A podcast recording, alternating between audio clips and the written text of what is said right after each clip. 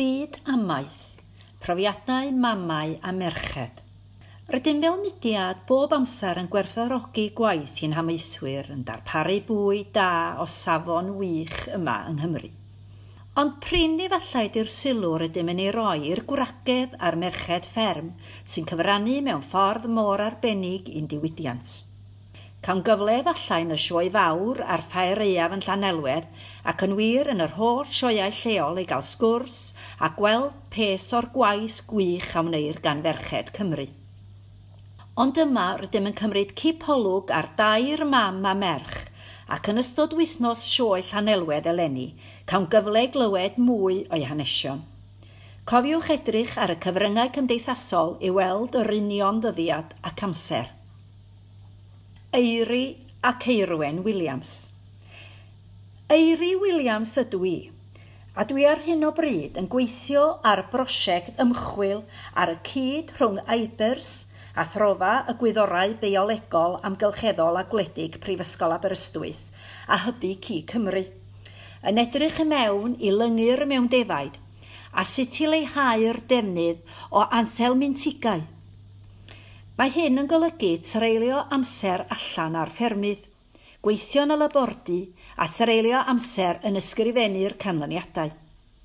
Felly rydw i wrth y modd gan fod digon o amrywiaeth. Rydw i'n aelod gweithgor o glwb ffermwyr ifanc Llangwyr ac yn mwynhau cystadlu ym mhob math o gystadlaethau o farnu stoc i actio a hyd yn oed coginio. Rydw i'n mwynhau antur ac un o'm hychabwyntiau oedd cyflawni her tri chopa Cymru. Eirwen Williams ydw i, a dwi'n gyfarwyddwr i gwmni menter a busnes ac yn gyfrifol am reoli cyswllt ffermio, sef rhaglen trosglwyddo gwybodaeth i ffermwyr Cymru. Rydw i'n teimlo ffodus o gael gweithio i gwmni lle mae'r iaith Gymraeg mor bwysig a gyda chryw o bobl sy'n mor frwdfrydig.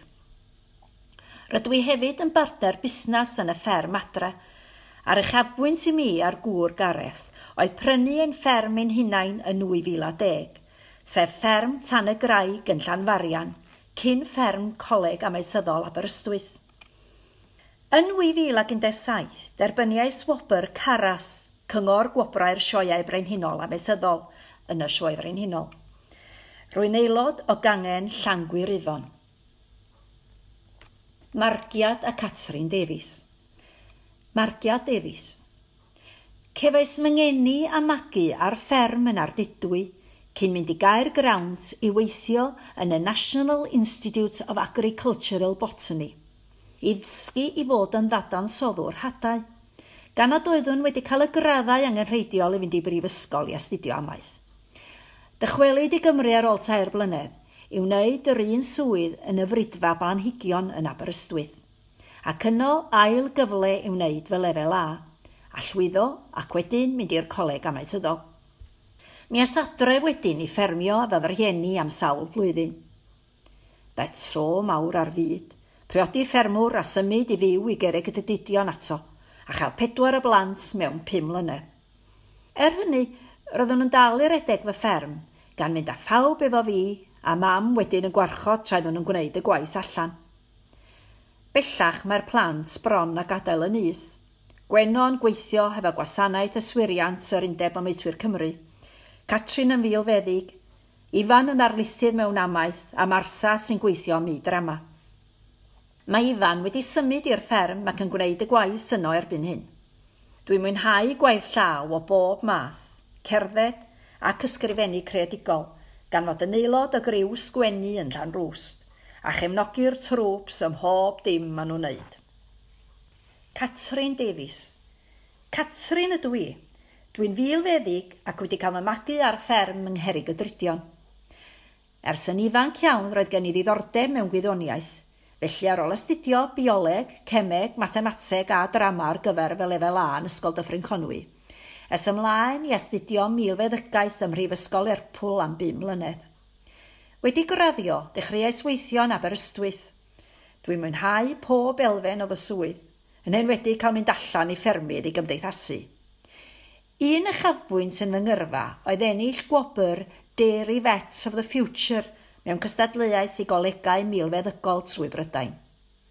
Yn fy amser sbar, dwi'n mwynhau chwarae hoci, actio, coginio, cymryd rhan yn weithgareddau'r ffermwyr ifanc a dod adref i ffarmio pan dwi'n cael cyfle. Eirgain Jones ac Eidwen Hughes Ym 1998, roedd Eirgain Jones yn wynebu penderfyniad mwyaf ei bywyd, sef gwerthu'r fferm neu berhau amaethu ar ôl i'w gŵr farw wedi gweled byr a chreulo'n iawn. Penderfynu parhau iawn aeth a dywed ei fod yn galed iawn ar y dechrau ac angen dysgu llawer o sgiliau newydd. Ar ôl i'w merch eiddwen raddio ym Mhrifysgol Aberystwyth, penderfynodd ymuno ei mam ac mae'r ddwy wedi cyd-amaethu yn hapus iawn. Bu llawer tro trwstan, ond hefyd llawer o hwyl a phrofiadau busgofiadwy fel ennill y gystadleuaeth am y ddiadell tecsel gorau yng Nghymru ddwywaith ennill pencampwriaethau mewn sioiau lleol, sirol ynghyd a'r sioefrin unol. Gwobrwyd eirgain gyda'r teitl Ffermrau Gyflwyddyn yn 2007 a bu'n llys genhades dros ferched mewn amaethyddiaeth am y flwyddyn ac yn sgil hynny fe'i hirddwyd yn gymrawd o gymdeithas y sioefrin hunol. Ynghyd ei diddordeb mawr mewn amaethyddiaeth, roedd eiddwen hefyd a diddordeb mewn marchogaeth ceffylau Felly dyma fynd ati i brynu ceffil a dysgu neidio.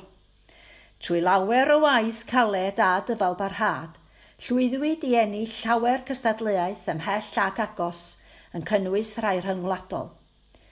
Be'n aelod o dîm Cymru a chael ei gobrwyo am fod y cystadleuwr gorau drwy'r wlad. Mae hyn wedi agor byd hollol newydd i'r ddwy – A tybed ein nhw yw'r unig fam a merch sydd wedi pasio'u prawf gyrru HGV ar yr un diwrnod.